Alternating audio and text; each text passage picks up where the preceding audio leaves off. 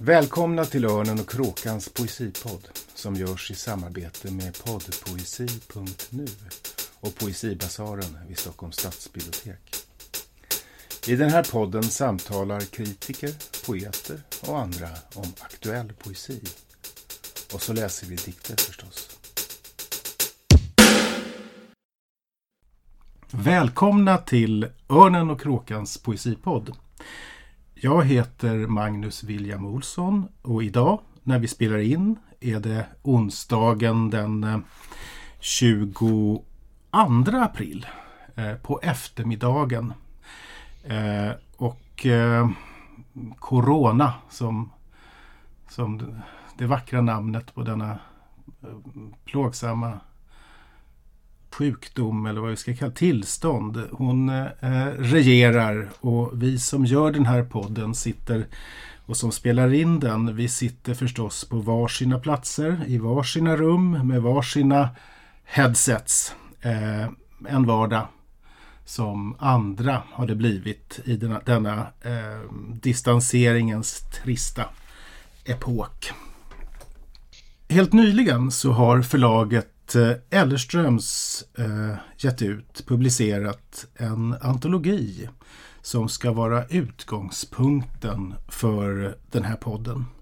Eh, det är en bok som heter Tranströmer och det politiska. Och jag tänker att det där ochet i titeln är centralt. Eh, för det är ju förstås långt ifrån självklart att överhuvudtaget läsa Thomas Tranströmers poesi som som politisk. Eh, oftare har han nog tvärtom kritiserats för att inte skriva politiskt. Och ändå förhåller det sig förstås, eh, precis som Johannes Björk påpekade i det förra avsnittet av den här podden, eh, så att all poesi, i likhet med det mesta annat, kan tolkas i politiska termer. Eh, den övergripande frågan som står på spel i dagens podd är alltså hur kan poesi överhuvudtaget vara och verka politiskt? Och hur ska man tänka kring det? Det ska vi tala om utifrån boken och utifrån tre dikter som eh, de inbjudna deltagarna valt ut och som Monica Tranströmer mycket vänligt har givit oss rättigheten att framföra här i podden. Vi ska återkomma till vilka tre dikter det handlar om, men först ska jag presentera mina gäster. Anna Möller Sibelius, hej! Välkommen till podden! Hej! Tack. Så låter du, vad skönt, nu hör vi dig. Eh, berätta lite, var, var, var är du någonstans? Var sitter du just nu?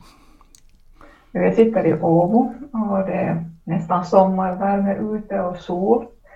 Och, har du varit eh, ute? Jag, jag har varit ute på en promenad och sett en citronfjäril och vårblommor och så, det är jättefint.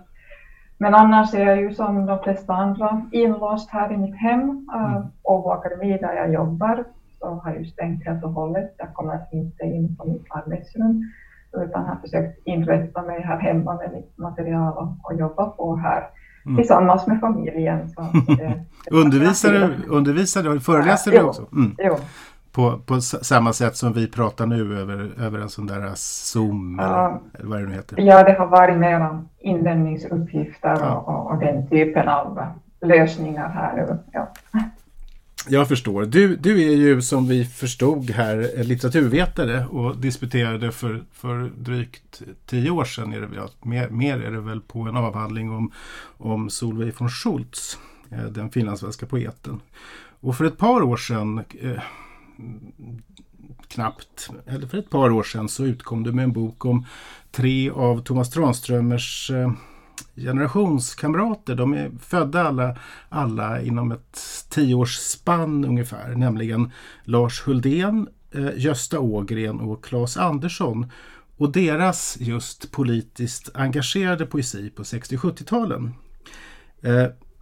De där tre poeterna, alltså Lars Huldén, Gösta Ågren och Claes Andersson, eh, var ju födda ungefär samtidigt som Tranströmer och såväl Huldén som, som Gösta Ågren debuterade ju på 50-talet. Men kan man, tycker du, eh, tala om dem som 50-talister? Uh, ah, nej, det tycker jag väl inte. Jag, jag tycker att de väldigt mycket är 60-talister i sin anda. Alltså sinsemellan är det fråga om tre mycket olika poeter.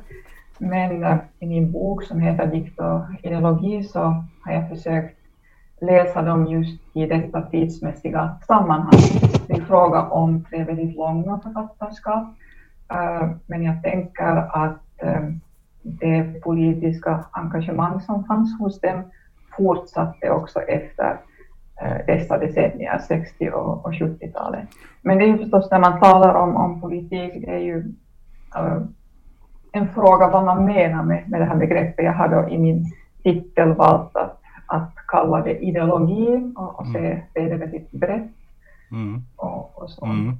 Mm, det, det, kommer vi väl kanske återkomma till för att jag tycker att det är lite intressant det där med eh, Eh, det, är ju, det präglar tycker jag också er eh, antologi en del att det finns ju en eh, historisering, en litteraturhistoria som, som är ganska som man vanligen förhåller sig till eh, förstås när man talar om, om litteraturen. Där 50-talet eh, och 60-talet är distinkt skilda på många sätt. Och vi, vi kommer återkomma till det, till det som ibland kallas för strömkantringens år och så i mitten på 60-talet. Men, men det finns en, också en tendens eh, att, eh, att man liksom förenklar eh, de här eh, epokala eh, skillnaderna. Helt enkelt. Mm, ja, så, så, så, är det. Och det är ju det är en utmaning förstås om man fungerar som litteraturforskare. Att å ena sidan så behöver man på något vis laborera med kategorier och generaliseringar och epoker och, och man försöker se övergripande mönster, det liksom ingår i uppdraget.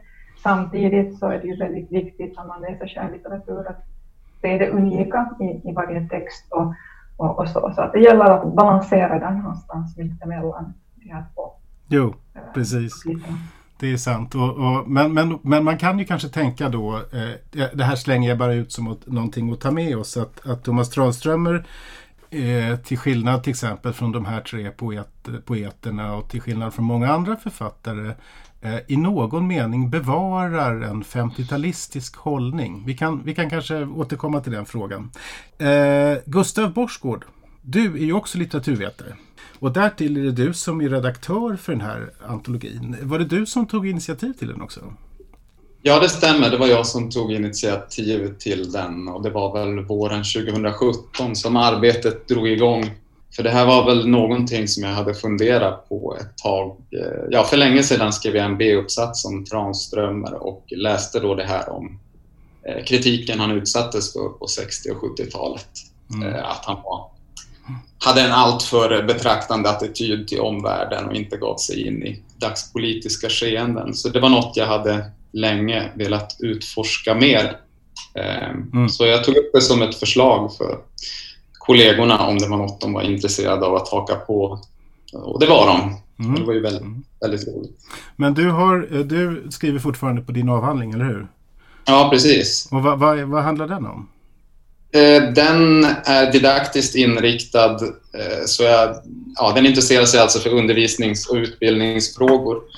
Mm. Och den handlar om idén om att litteraturundervisning kan fungera demokratifrämjande, att man kan bli en bättre människa eller bättre medborgare av att läsa litteratur. Mm. Det är ju lite grann ett angränsande ämne, kan man väl säga. Ja, precis. Ja. På många sätt så, så undersöker jag frågor om vad litteraturen av olika aktörer på olika nivåer i utbildningssystemet, vad litteraturen egentligen anses vara mäktig. Vad kan litteraturen göra?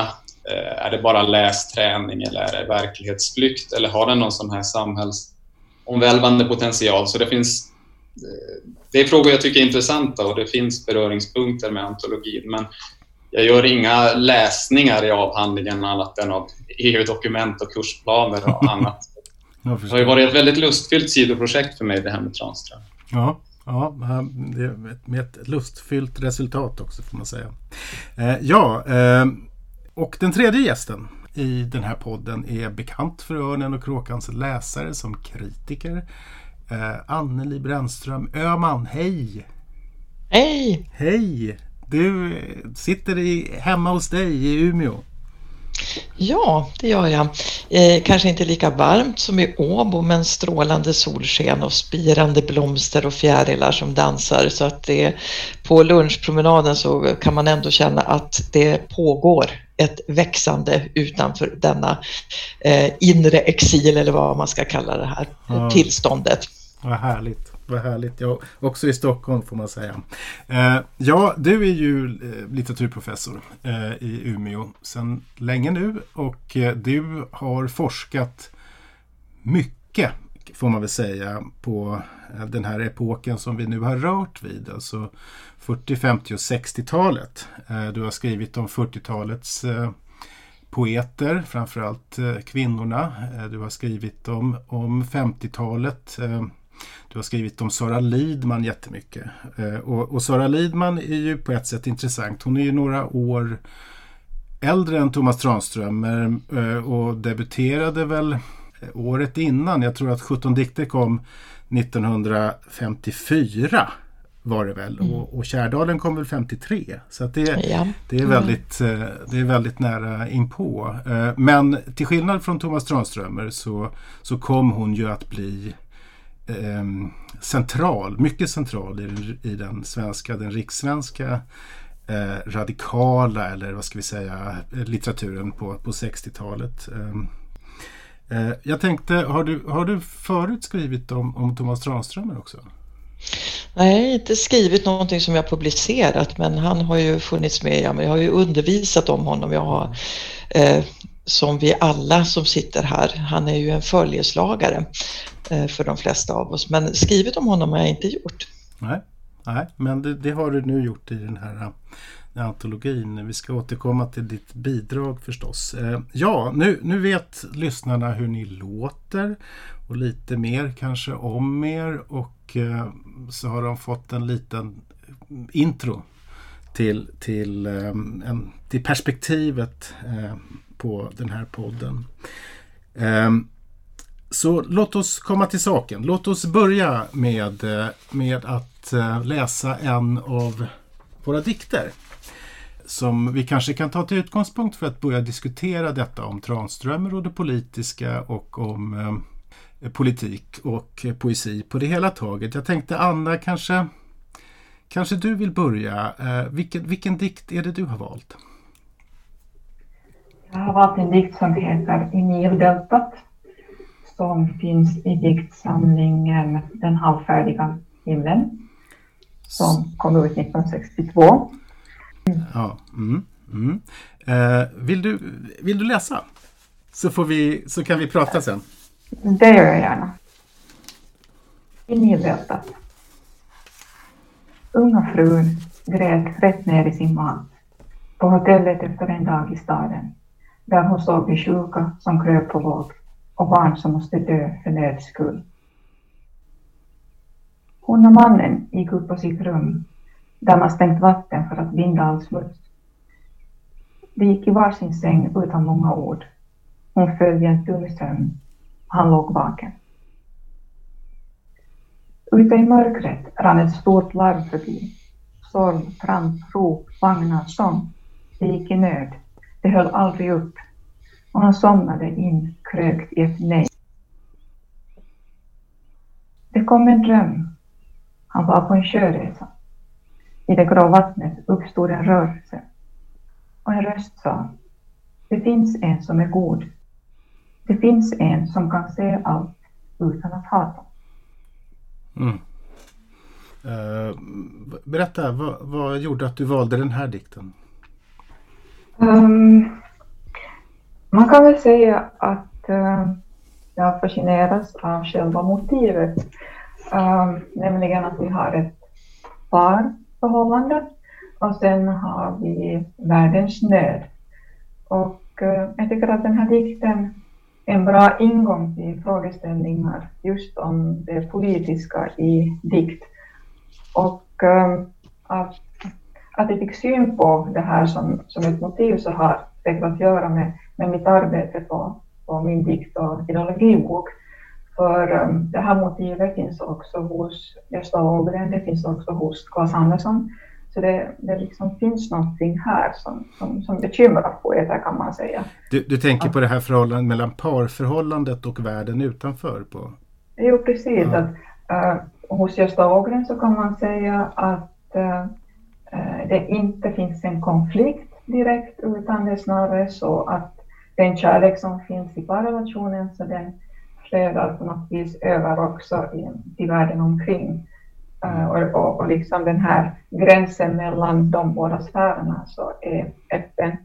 Eh, hos Claes Andersson så är det lite mer ambivalent och det finns olika dikter som, som intar olika hållningar. Ibland är det ett problem att den privata erotiska lyckan den är på något vis äh, osolidarisk eftersom den förskansar sig i sin egen privata lilla idyll och, och bortser från, från mänsklighetens nöd.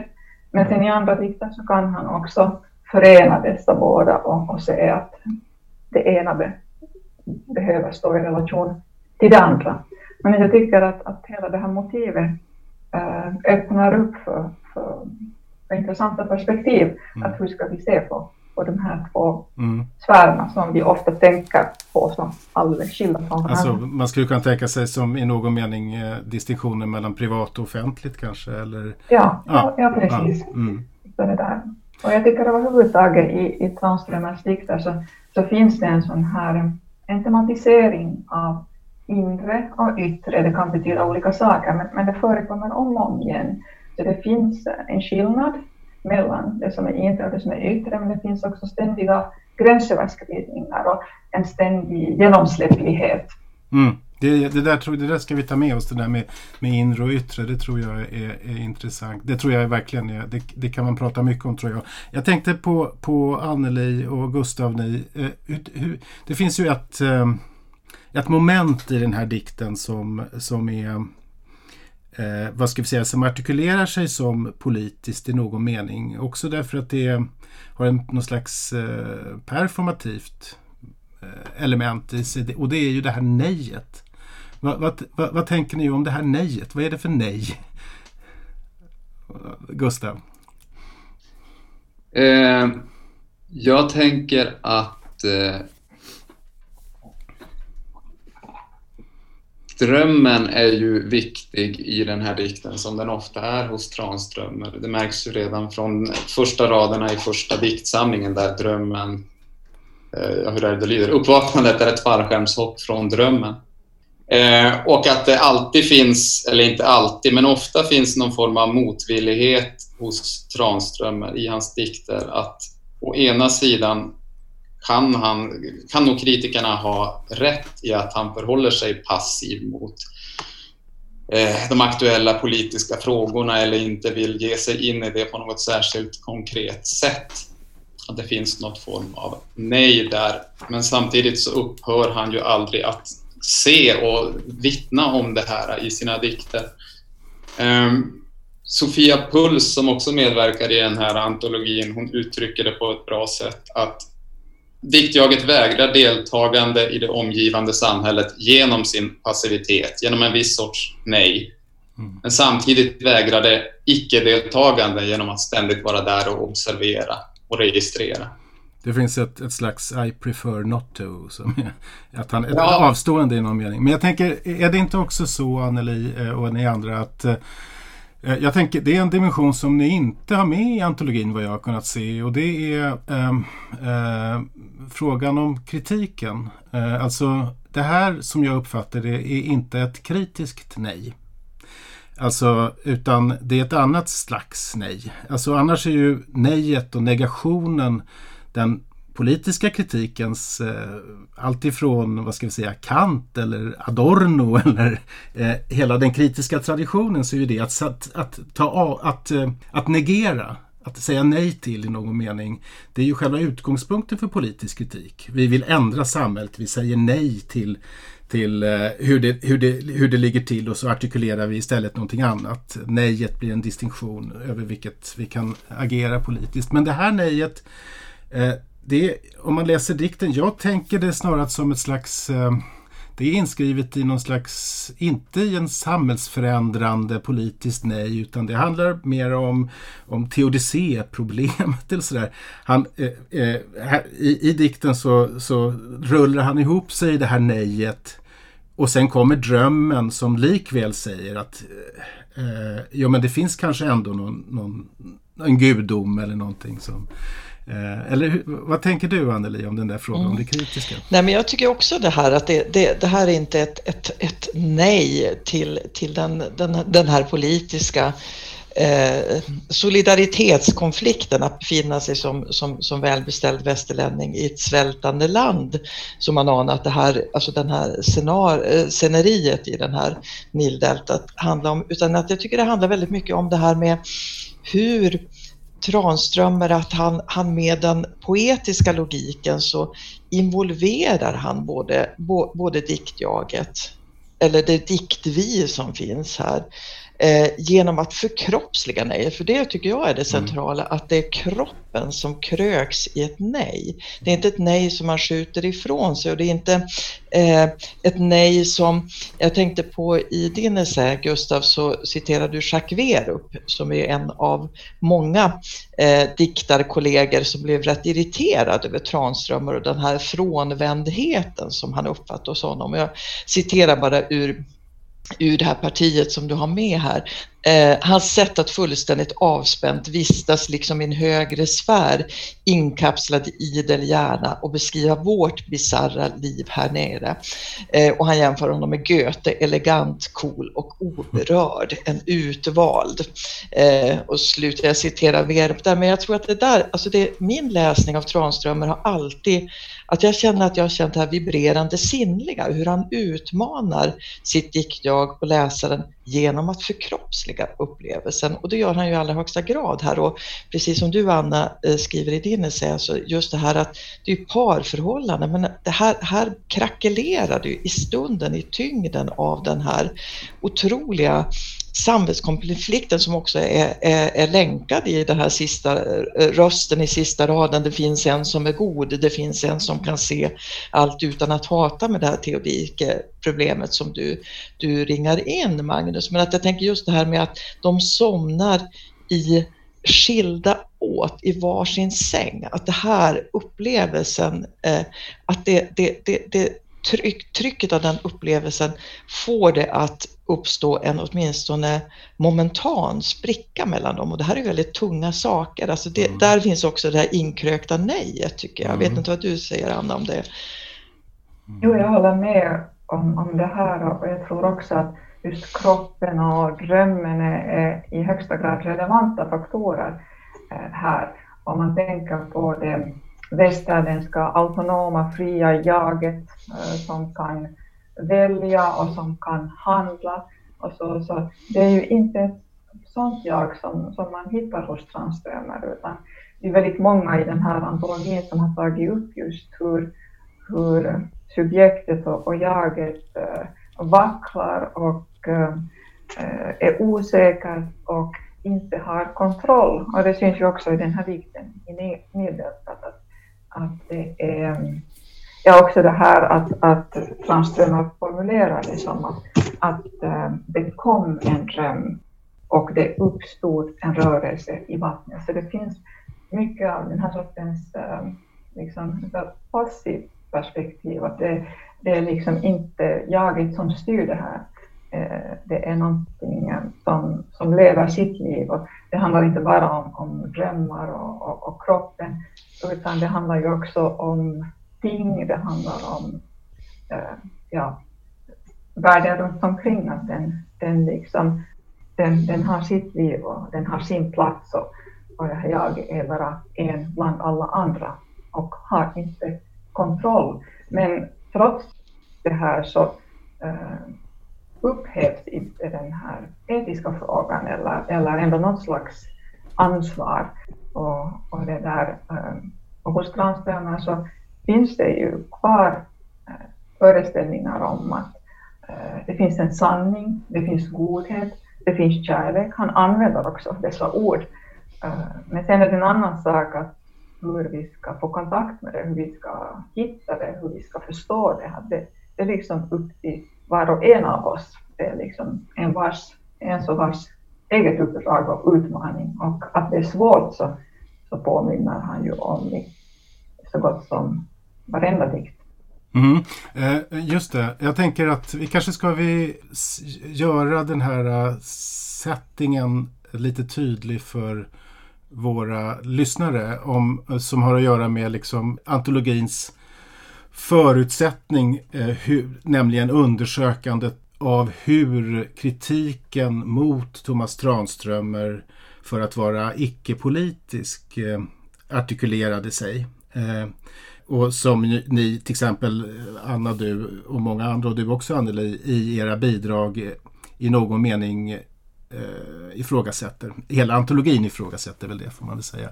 Men, men, men låt oss bara, bara eh, det finns en, en eh, jag tror att, att eh, eh vad heter han, eh, Ragnar Hake kallar det för en myt rent av i sitt kapitel som handlar om detta. Eh, en myt att eh, när eh, kritiken framförallt eh, eh, i mitten på 60-talet, 65 till 67 tror jag eh, Karl-Erik Lagerlöf eh, kallar de här strömkantringens år när den politiska marxistiska kritiken kommer in och blir dominerande på vissa sätt i svensk offentlighet. Då, inte bara svensk offentlighet, men också i svensk offentlighet. Och, där, och då kommer det några och Thomas Tranströmer har ända från debuten varit en extremt hyllad poet. Han, han, han fick enastående kritik redan från början.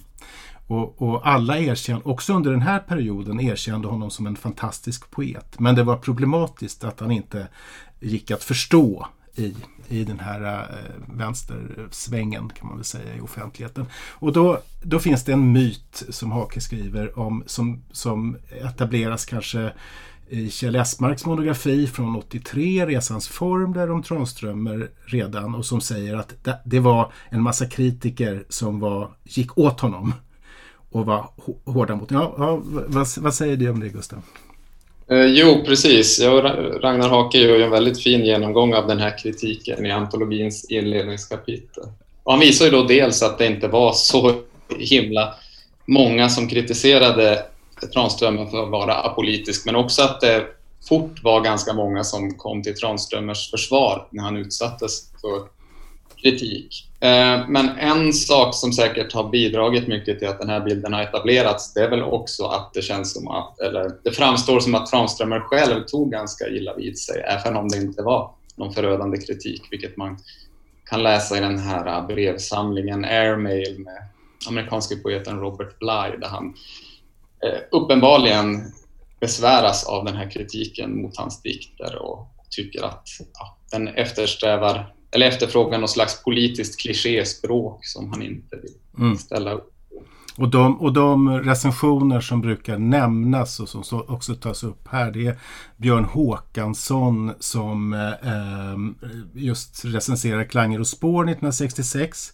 i en recension och så är det Tobias Berggrens BLM-recension av Östersjö 1973, var det väl 74 kanske, som, som tas upp ofta som, som liksom exempel på att det här övergreppet mot, mot, mot Thomas Tranströmer.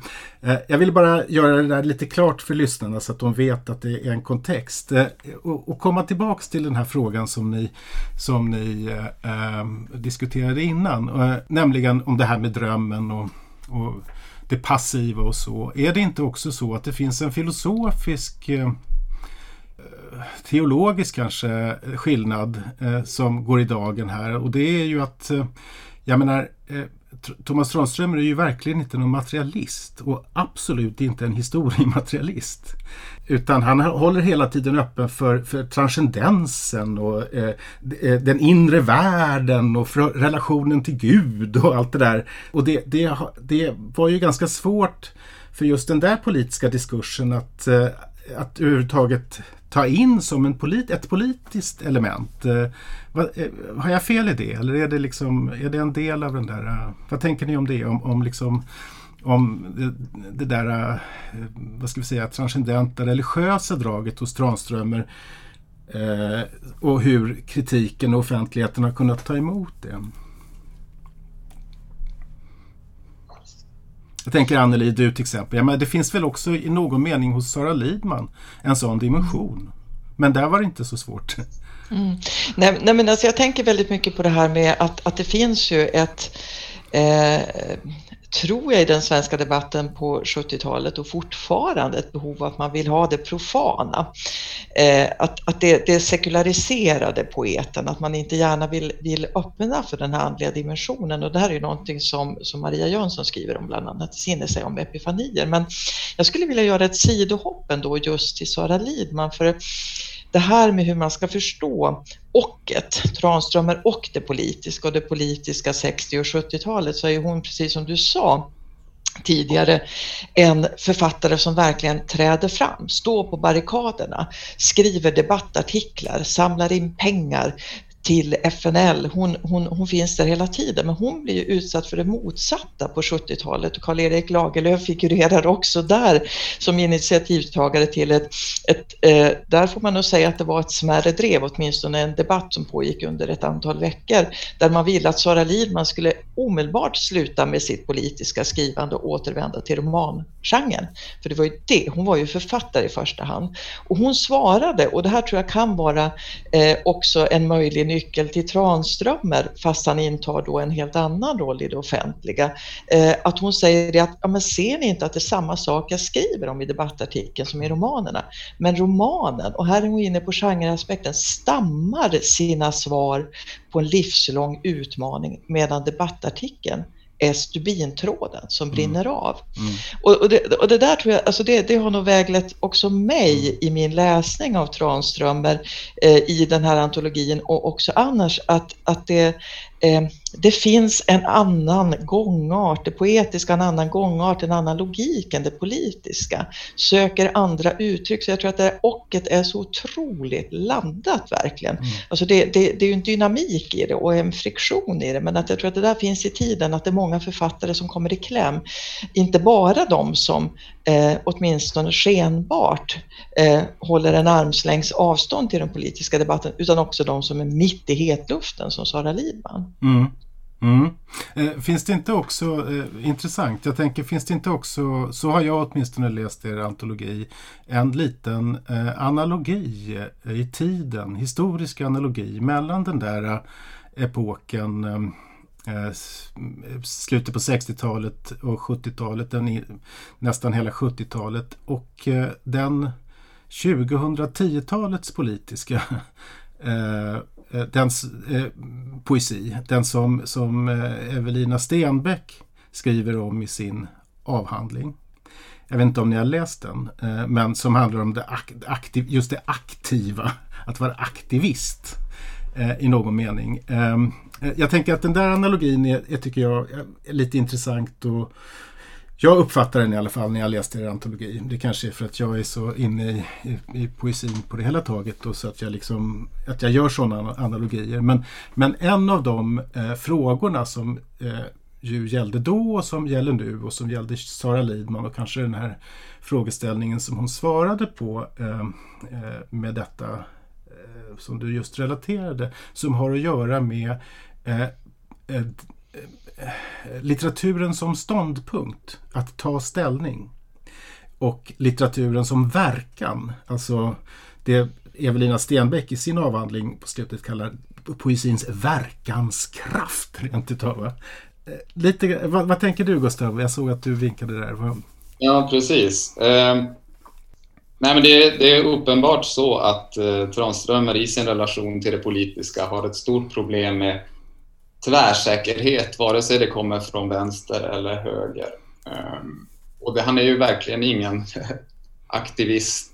Ehm, Anders E Johansson skriver om det i den här antologin att det är som att Tranströmer inte går med på en aktivism som grundar sig i styrka, kontroll och renhet oavsett vad den har för färg utan det handlar ju mycket mer om att upphöja tvivlet eller tappa kontrollen eller förlora sig själv i någon mening.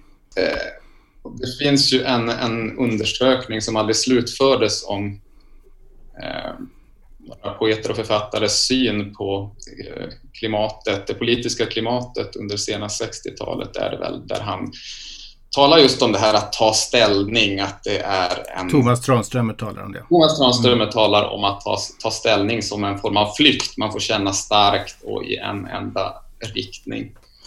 Eh, I min essä så kopplar jag lite grann de tankarna, eller jag ser likheten mellan de tankarna som Tranströmer presenterar där med det som eh, skrivs på 2000-talet av en, eh, den slovenske filosofen Slavoj Žižek och även på svensk mark Sven-Anders Johansson i det cyniska tillståndet. Det här att viljan att göra något skulle vara någon form av enkel genväg.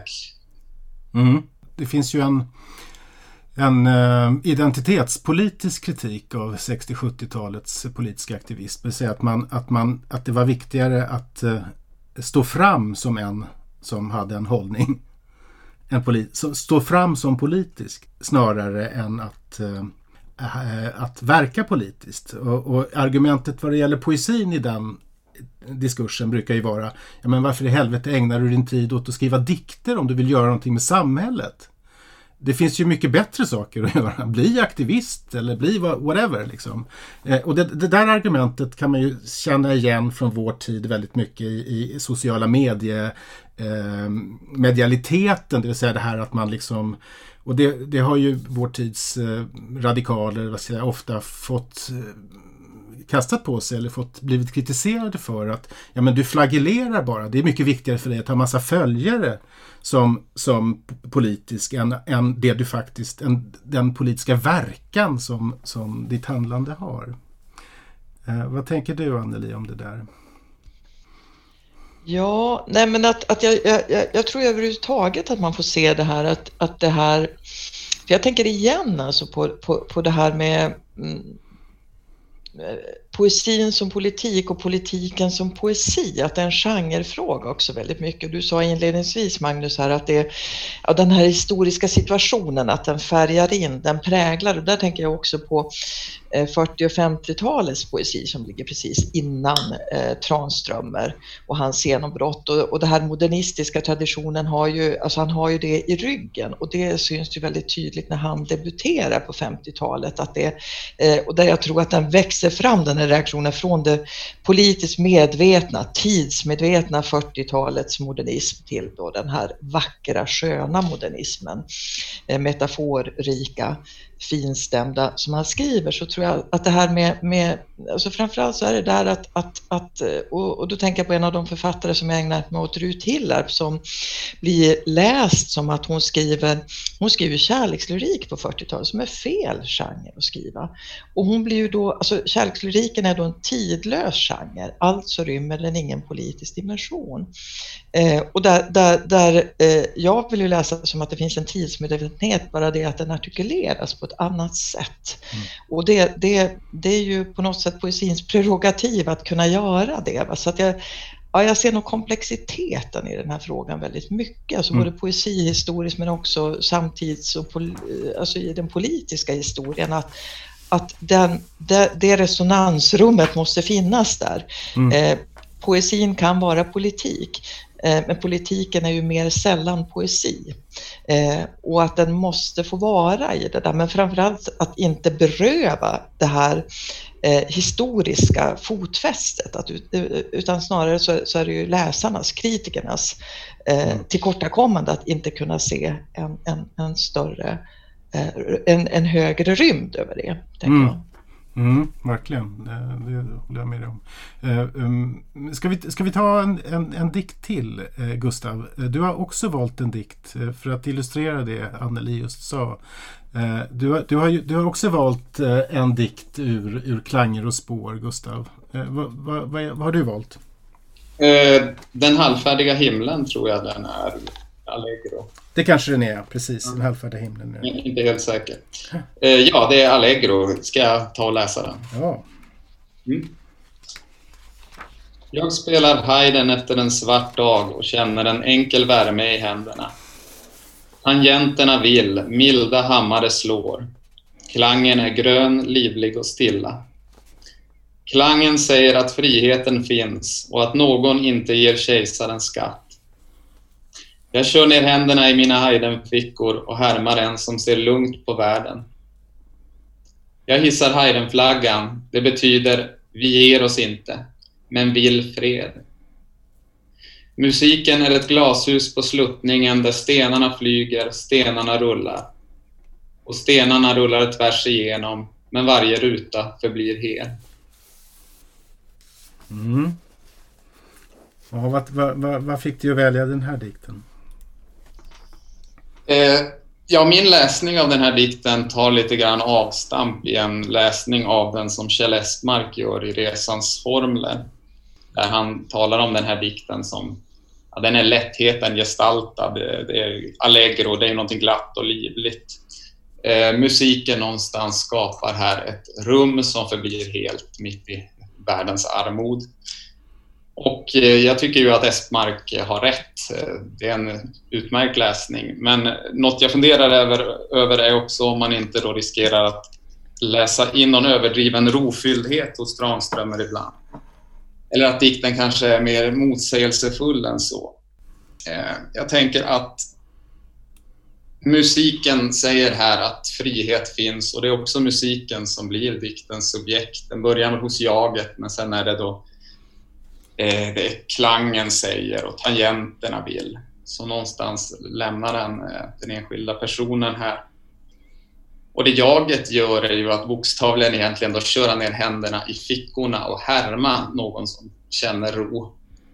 Och så det är ju någon slags eh, flyktbeteende skulle man kunna kalla det. Och jag tänker, jag var inne på det lite tidigare om hur drömmen eller musiken ofta hos Tranströmer upprättar någon slags andrum, ett rum för, ja, som Anna kanske var inne på då, att man avidentifierar sig med det här starka självbestämmande subjektet som kanske ofta, som vi kanske ofta förväntas vara.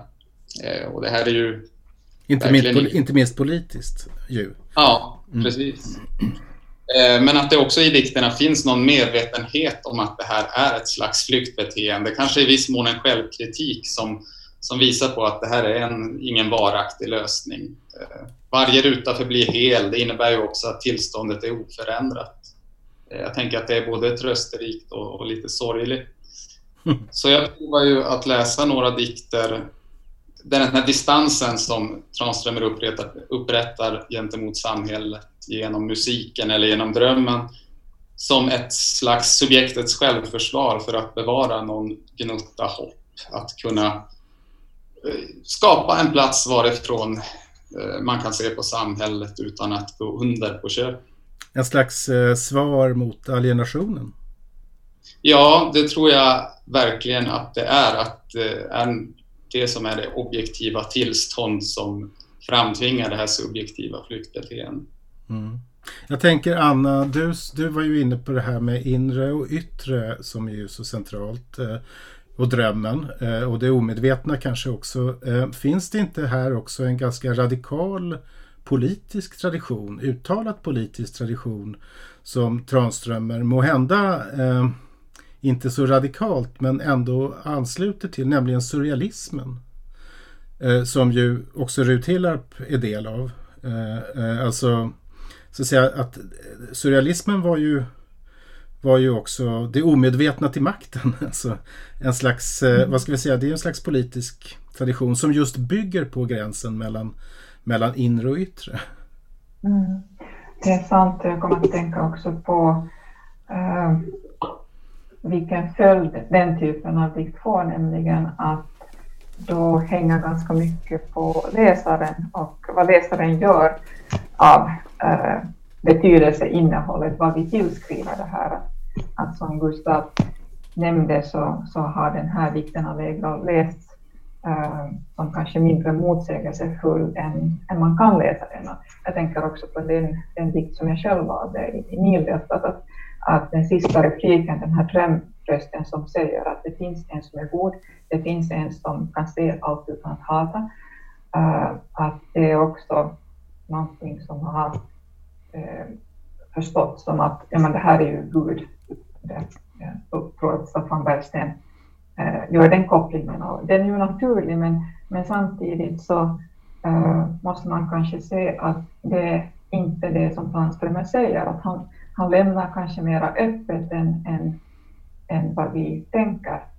Så och, och för Tranströmer så var det väldigt viktigt det här med att poesin gör någonting annat än följa bara det, bara det konventionella språket. Att poesin försöker utmana det här och han tyckte ju att det var viktigt att uh, var och en hittade ett eget språk och att poesin kunde vara ett hjälpmedel för, för, för vem som helst att hitta ett eget språk och att inte bara imitera en massa diskurser som finns på olika områden och, mm. och så. Så, det där, så att jag tänker att, att det är också upp till oss läsare att, att göra någonting av det som finns.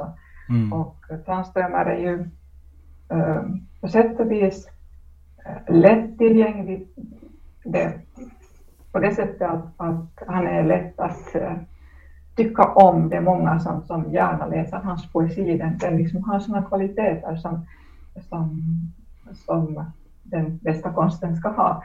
Um, men samtidigt är den ju också väldigt svår. Det är inte så lätt att veta att vad, vad, vad betyder det här riktigt. Så mm. På det sättet utmanar den läsaren också. Mm. Och utmanar eh, läsarens benägenhet att tänka konventionellt. Mm, precis. Eh, eh, just det, det, där finns det ju en, eh, vem, jag ska säga vem det är, det är väl Sofia Puls kanske som i antologin skriver om den här passiviteten och Maria Jönsson skriver om epifanin som ju är ett begrepp som, som också Kjell Espmark lanserar. Fainein på, eller fainein på grekiska betyder ju att visa, att uppenbara och epifanin är ju igen ett, ett teologiskt begrepp som kommer in i, i, um, i diskussionen om, om att uh, den, så den, den plötsliga uppenbarelse av det gudomliga eller vad det nu kan, man kan ju föra över det i en mer profan kontext som Kjell Esmark gör. Men, men den där uh, Eh, och du, du pratade Anna lite om undantaget här. Alltså om det som är eh, det som Tranströmer ställer fram för oss att läsa och som vi kan ta del av. Eh, det vill säga att det är diskontinuiteten eh, ställd mot diskursiviteten kanske. Ögonblicket mot ordningen eller något sånt där. Som, som något, och, och det han i någon mening visar är att, att det, det är möjligt att hans, att, att poesin, hans poesi visar att det, det är en tillgänglig di dimension av, av, av tillvaron som man kan ta refug i kanske. Eh, men, men är det... Kan man... Eh, det, det handlar ju lite grann om hur man ska definiera politik. Alltså, är det en eh, politisk dimension? Vad säger du Gustav? Eh, kan, kan man tala om detta som en politisk dimension i, i, i Thomas Tranströmers poesi? Det tror jag nog man kan göra och det beror ju såklart på vad man lägger i politikbegreppet. Mm, flera av oss i den här antologin använder oss av eh, Jacques Rancières uppdelning mellan politik och det politiska eller politiken kallar också ibland för polisordningen eller den polisiära ordningen, vilket ju då är politik som vi kanske vanligtvis eh, det vi vanligtvis menar när vi pratar om politik, partipolitik.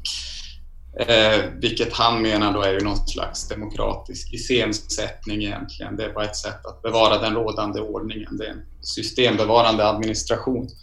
Men att det politiska fungerar handlar om delandet av det sinnliga. Eh, och det handlar ju egentligen då om att något som litteraturen gör är att den kan förändra vad som syns och inte syns och vad som går att säga. Vad som eh, bara uppfattas som nonsens eller som vulgärt och obildat. Och där tror jag att det är ganska produktivt att använda den eh, Rancières eh, Mm. det politiska för att förstå hur Tranströmer arbetar med språket. För det är precis som Anna säger, att han skriver väl någonstans att eh, många talar inte ett eget språk utan man talar i någon sorts tomprat och, och klichéer och sådär. Eh, men att eh, poesin där kan erbjuda någonting annat. Eh, att den kan visa kanske någon sanning som egentligen inte kan styrkas och det har ju i högsta grad politiska implikationer för man erfar verkligheten eh, såklart bortom olika sorters fixerande etiketter. Ja, jag tror att det här med språket mm. eh, Säg. Mm. Jag tror det här med språk är jätteviktigt. Um, om man tänker på, på 60 och 70-talspoesin också så, så åtminstone mina tre finlandssvenska poeter som vände sig ju mot en, en tradition där språket var ett uttrycksmedel för ett själstillstånd mm. i, i, enligt den modernistiska traditionen och ville visa i vilken hög grad eh, språk också är någonting annat, att språk har många olika funktioner. Språk är inte minst ett maktmedel. Mm. Och, och, genom sina dikter och genom att imitera vissa diskurser och genom att skriva collagedikt och så här så försökte de visa på det här. Och um, på det sättet blir det ju också en appell till läsaren att vara en kritisk läsare. Du, om det finns ett, ett collage så måste du göra någonting av de här olika typerna av, av texter och, och, och det där. Och um, mm. ja, det, det problematiseras vad, vad det här med språk är. Jag tycker att mm. liknande tankegångar finns också hos Tranströmer, fast han då eh, formmässigt håller sig gärna till, no, han skriver ju mycket Ähm, eh, prosalyrik också, men, men han är ju också en mästare på, på de bundna formerna och, och kan hantera dem. Och, och, så. Men, men lika fullt så, så tycker jag att det finns den här dimensionen av äh, språket som makt äh, och att, äh, en problematisering av, av det. Så jag tror att, att det är en viktig aspekt av det som man kunde kalla det politiska. Precis, och också att han har en idé om det poetiska språket. Det finns ju, tänker jag, hos eh, Thomas Tranströmer ett kunskapsteoretiskt anspråk eh, som kommer till uttryck i, i den här vikten av sanningsbegreppet. Sanningen är ju eh, helt central för honom. Och, och den är kanske bortomspråklig i någon mening för honom också. Han, han, det, här berömda eh, språk men inte ord. Att det finns till exempel. Eh, men jag tänker An Anneli, du har ju valt en dikt ur just den dikt, den diktsamling som heter Sanningsbarriären. Eh, ska, kan du inte läsa den så får, vi, så får vi prata om den också. Ja, det är minusgrader. Vi är på en fest som inte älskar oss. Till sist låter festen sin mask falla och visar sig som den verkligen är, en växlingsbangård. Kalla kolosser står på skenor i dimman. En krita har klottrat på vagnsdörrarna. Det får inte nämnas, men här finns mycket undertryckt våld. Därför är detaljerna så tunga och så svårt att se det andra som också finns. En solkatt som flyttar sig på husväggen och glider genom den ovetande skogen av flimrande ansikten. Ett bibelord som aldrig skrevs. Kom till mig, ty jag är motsägelsefull som du själv. Imorgon arbetar jag i en annan stad. Jag susar dit genom morgontimman som är en stor svartblå cylinder. Orion hänger ovanför kärlen. Barn står i en tyst klunga och väntar på skolbussen. Barn som ingen ber för. Ljuset växer sakta som vårt hår. Mm. Det, ju, det, här är en prosadikt just. Ehm, som eh, är ju en vanlig genre hos Thomas Tranströmer i synnerhet de här åren. Ehm, och är, det är ju också en dikt som eh, där gränsen, där det är oklart uh, vad gränsen är mellan inre och yttre och mellan dröm och, och vaka. Jag uppfattar att den nästan börjar i en dröm, eller åtminstone någon slags fantasmagorisk eh, nivå eller sådär. Eh, men här finns ju också det här våldet. Eh, en, en, en aspekt av, av eh, Thomas Tranströmers verk, om man ska tänka på det, är väldigt eh, verkbegreppet i väldigt vid mening. Det är ju att han hela tiden arbetar utanför poesin med språk. Eh, just de här tidiga åren som vi har läst om Eh, Eh, det här när, när den halvfärdiga himlen kommer ut och, och Knanger och spår, då, då var han ju psykolog på Roxtuna som var en kriminal, ungdomskriminalvårdsanstalt. Där han hela dagarna satt och snackade då med, med eh, människor som eh, just pratade då förstås genom språket som psykologer arbetar genom. Eh, där, där det fanns en liksom, och det ingår ju också i hans, om man tänker verket i utvidgad mening, att, att också det, där, det här eh, arbetet som ju kommer in i dikterna hela tiden, också kanske i den här dikten någonstans, tänker jag. Den här erfarenheten av, av, av eh, att stå i muntlig, språklig kontakt med människor som är väldigt utsatta ofta eh, finns, finns med i hans, i hans verk. Eh, ja, jag, jag, tänker åtminstone att den där eh, sensibiliteten för, för språkligt våld som finns i många av hans dikter, att den eh, någonstans eh, kommer till uttryck också i den här, i den här dikten. Eh, det finns, han, det, eh, han skrev 1959 så, så skrev Thomas Tranströmer ett antal haikus från ett annat fängelse. Jag vet inte om ni har läst dem? Eh, han skriver till exempel, jag, jag, det, det är nio, nio haikus som han skrev 59 på i en ungdomsfängelse när han var hälsa på där. Eh, och den första lyder så här. Eh, de sparkar fotboll. Plötslig förvirring. Bollen flög över muren. Eh, och det är också en slags eh, relation mellan inre och yttre kanske, muren och inre och yttre.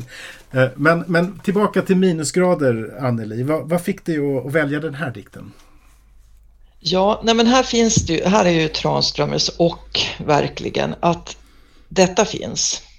Men samtidigt att det här både och, det är inte ett antingen eller utan både och. Men också det där, jag tror att det här som du eh, antydde ett spår som knyter samman honom med den här surrealistiska traditionen i svensk modernism, alltså det surrealismens drömspår som löper genom det sena 1900-talets svenska poesi, att det finns ju någonting i det här, eh, men som är eh, till skillnad från många andra av de här sömn och drömdikterna så är ju det här ett närvarande.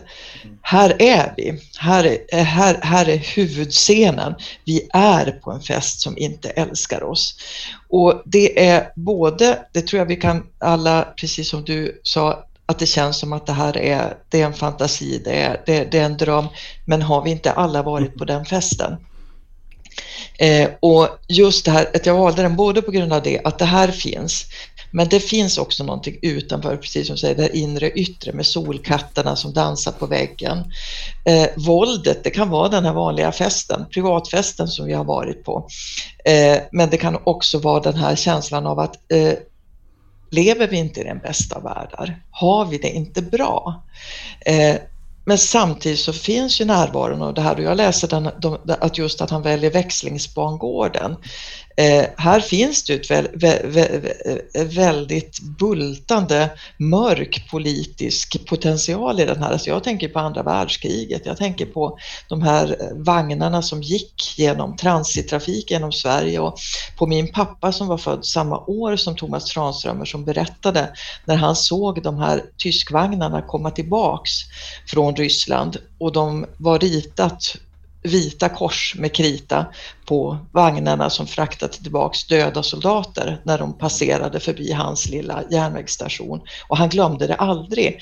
Eh, och det är ett privat minne naturligtvis som gör att jag fyller ut det tolkningsutrymmet i den här dikten med att det finns ett våld.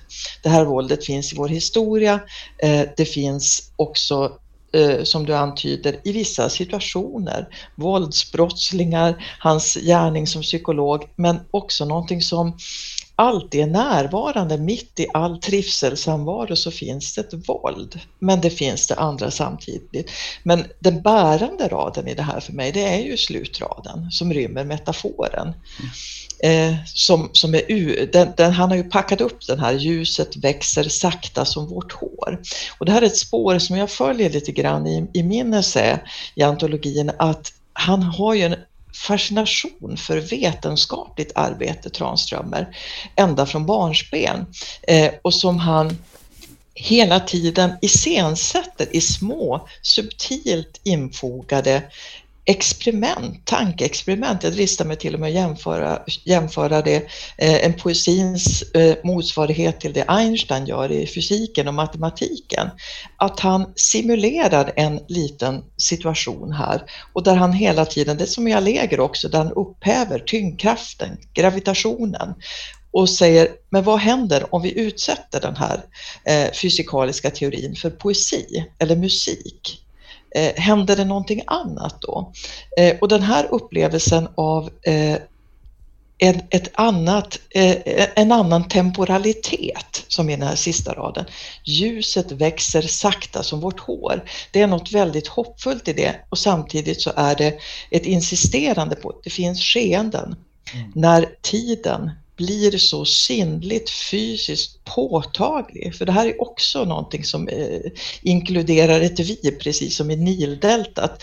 Eh, här är det ett vi som håller ihop, men det är ändå ett vi som är alienerat i den här omöjliga situationen av att vara, vara, vara lite grann gisslan på den här festen som inte älskar oss. Mm. Men där finns det ett mått. Han har gjort ett experiment, poeten. Så här förhåller det sig. Mm. Ljuset växer sakta som vårt hår.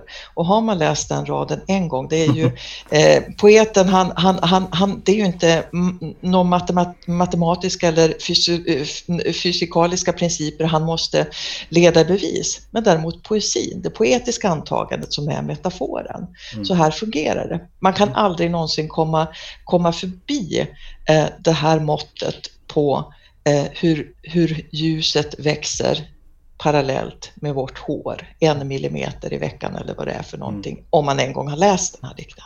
Ja, men det, det håller jag verkligen med om. Och där finns ju också, tänker jag, i den här dikten, um, det som är eh, ett grunddrag som jag uppfattade i Thomas Tranströmers poetik och hans poesi som har att göra med att det finns en skalbarhet, eh, kanske eh, som kommer till uttryck i Möjligen kan man tala om den i termer av symbol eller symbolik snarare än metafor kanske. Det vill säga att, att den här festen kan ju också vara den stora festen. Livet som fest. Eh, det finns en, det finns en, en, just hela tiden, ofta en, en skala i hans, eh, i hans, i hans bilder. Eh, mm. Som, som både tar ner det till, till, det till det personliga men som också universaliserar möjligheten av, av att det här rör någonting mycket större. Det rör själva existensen eller något sånt där. Ja, men det kan ju också vara som i Blåsipporna, den säsongsaktuella underbara dikten, eh, där Blåsippornas stora sensation, alltså det här gamla tricket, hur den drar blicken till sig, som han jämför då med De gjorde rusk och mycket bang, eh, som finns i Erikskrönikan och där han säger i slutet av den dikten att den verkliga festen, Precis. den pågår någon annanstans. Mm. Mm. Ja men verkligen. Eh, vilken, vilket vackert, eh, vilken vacker replik. Vi, vi, tiden har, har sprungit ifrån oss och vi ska snart sluta. Jag skulle vilja ställa en sista fråga till er. I, I någon mening kan man kanske tycka att Thomas Tranströmers poesi eh, tillhör det förflutna i den meningen att den är så precis, den är så eh, den förhåller sig i någon mening till mästerverket, till det mästerliga eh, kan man kanske säga i sin, i sin teknik. Eh, och sin, sin, sitt uttryck.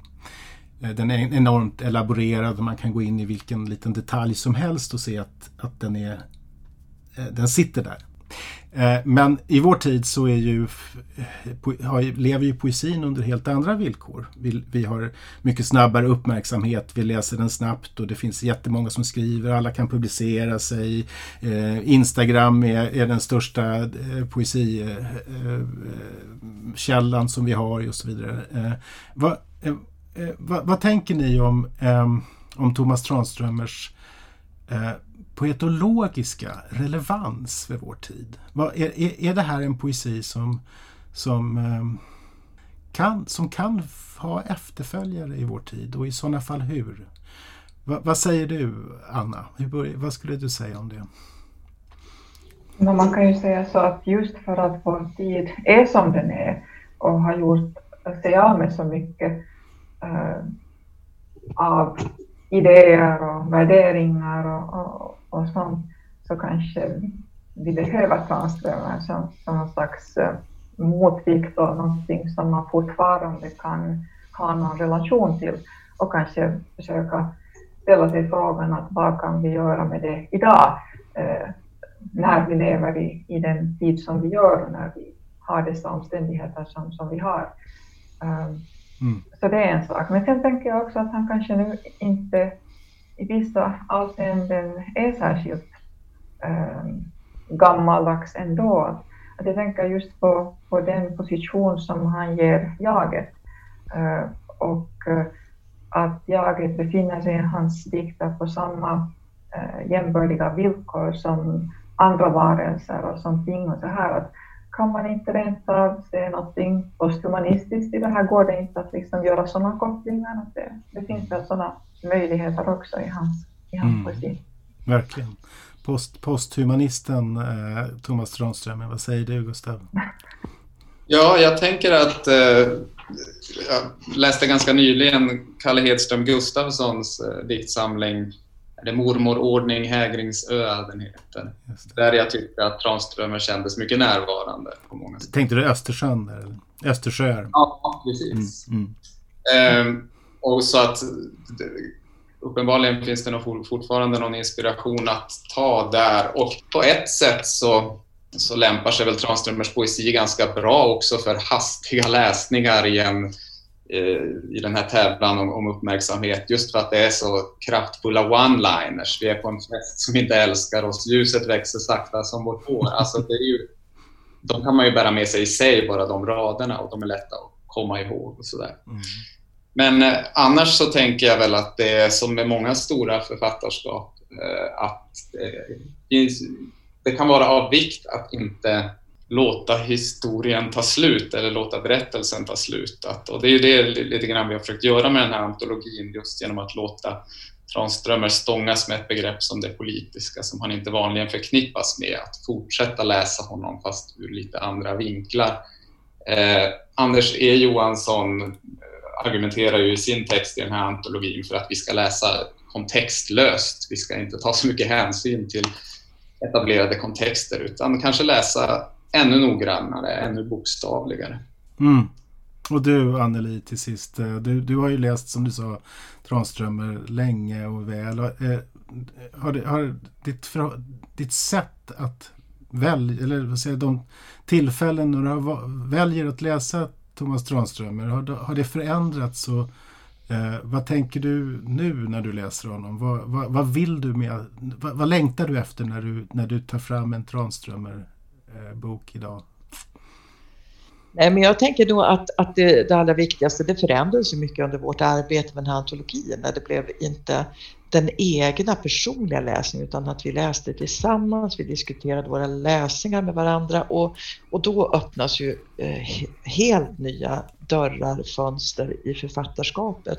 Men att jag, jag tänker att det allra viktigaste för mig och det är väl en, en, en grundhållning jag har som litteraturvetare eller som läsare överhuvudtaget, är att inte stänga in honom varken i den här Eh, förfärliga mästerskapsburen. Att där är han inlåst på museum i, i, i, detta, i, i, i detta kabinett för döda poeter utan att han är i en allra högsta grad levande poet.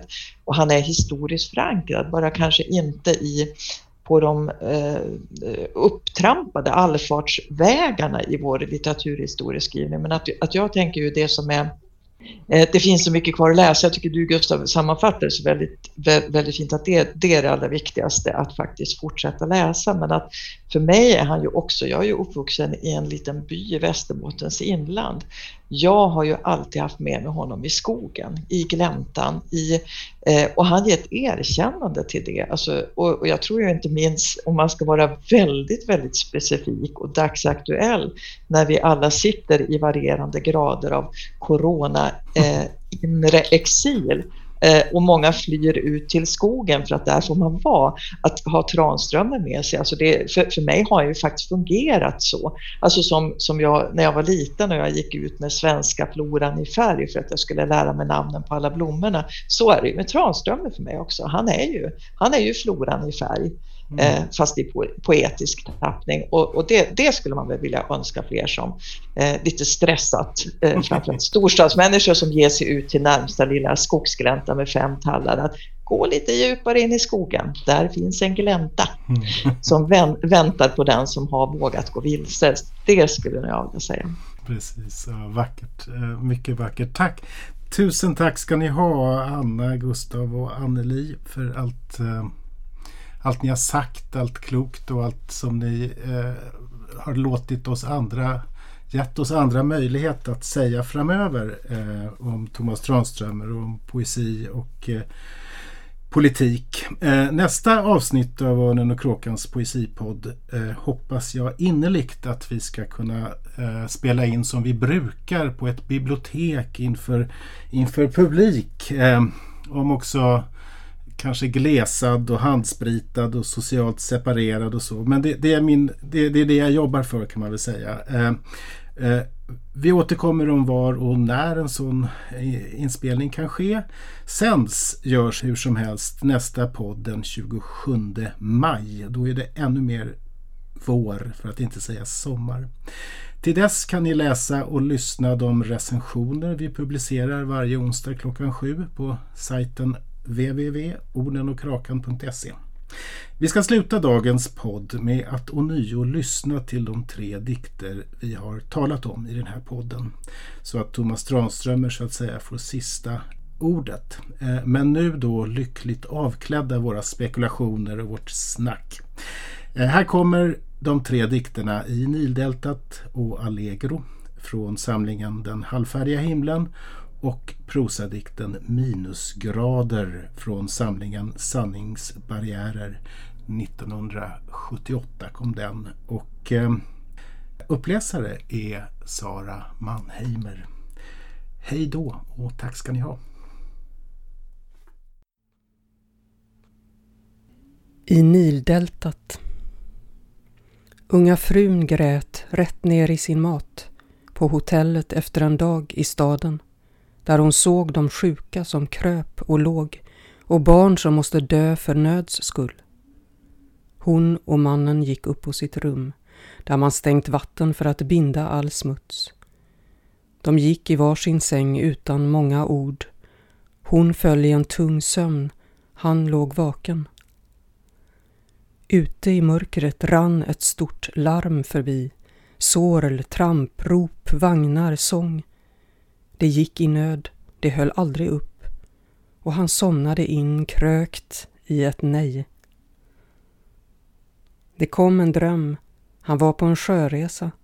I det grå vattnet uppstod en rörelse och en röst sa Det finns en som är god. Det finns en som kan se allt utan att hata.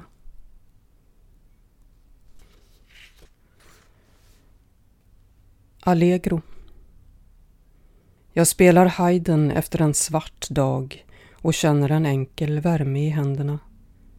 Tangenterna vill, milda hammare slår. Klangen är grön, livlig och stilla. Klangen säger att friheten finns och att någon inte ger kejsaren skatt.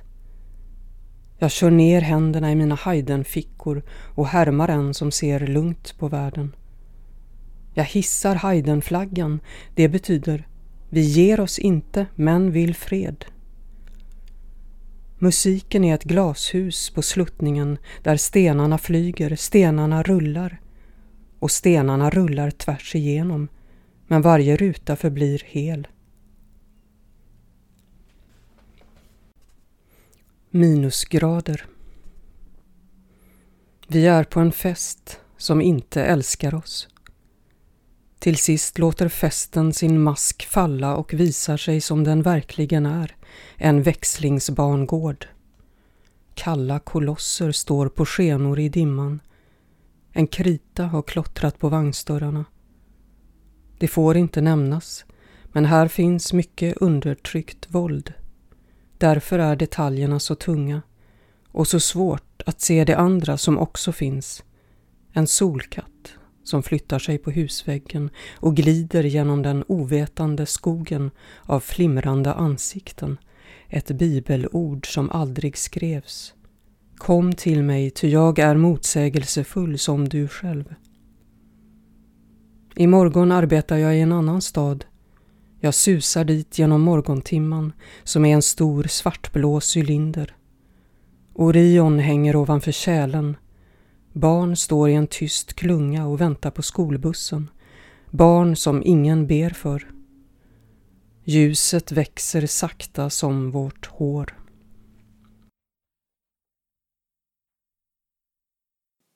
Du har lyssnat till Örnen och kråkans poesipodd. Läs mycket mer om aktuell poesi på ornenochkrakan.se